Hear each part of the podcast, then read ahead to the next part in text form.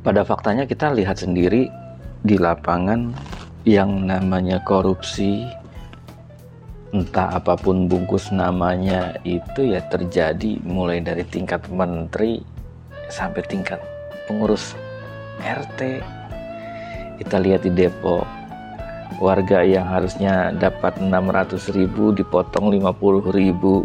Itu bukan korupsi dia bilang petugasnya bilang itu uh, bilang itu uh, pungutan jadi nggak dipotong nggak dikurangin hanya dipungut biaya untuk beli bensin ambulan perawatan mobil ambulan dan segala macam. 50 ribu. Lalu di Tangsel juga potong 50 ribu. Sepertinya yang nggak punya rasa kemanusiaan dan welas asih itu ya hampir merata pada orang-orang yang mengelola masyarakat. ya. Nggak boleh lihat uang dikit langsung lupa diri.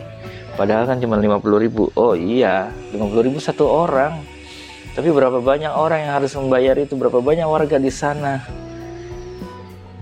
Kalau cuma buat beli bensin perawatan ambulan yang jelas kalau memang benar-benar tertib ya seperti yang Bu Risma bilang tuh dia ke Tangsel.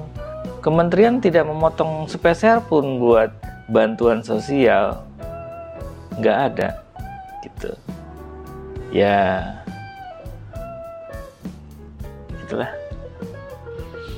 Di balik bencana ini memang selalu ada yang berbisnis selalu ada yang mencari keuntungan selalu ada yang serakah jadi ya kita harus selalu meningkatkan selain protokol kesehatan juga protokol kemanusiaan.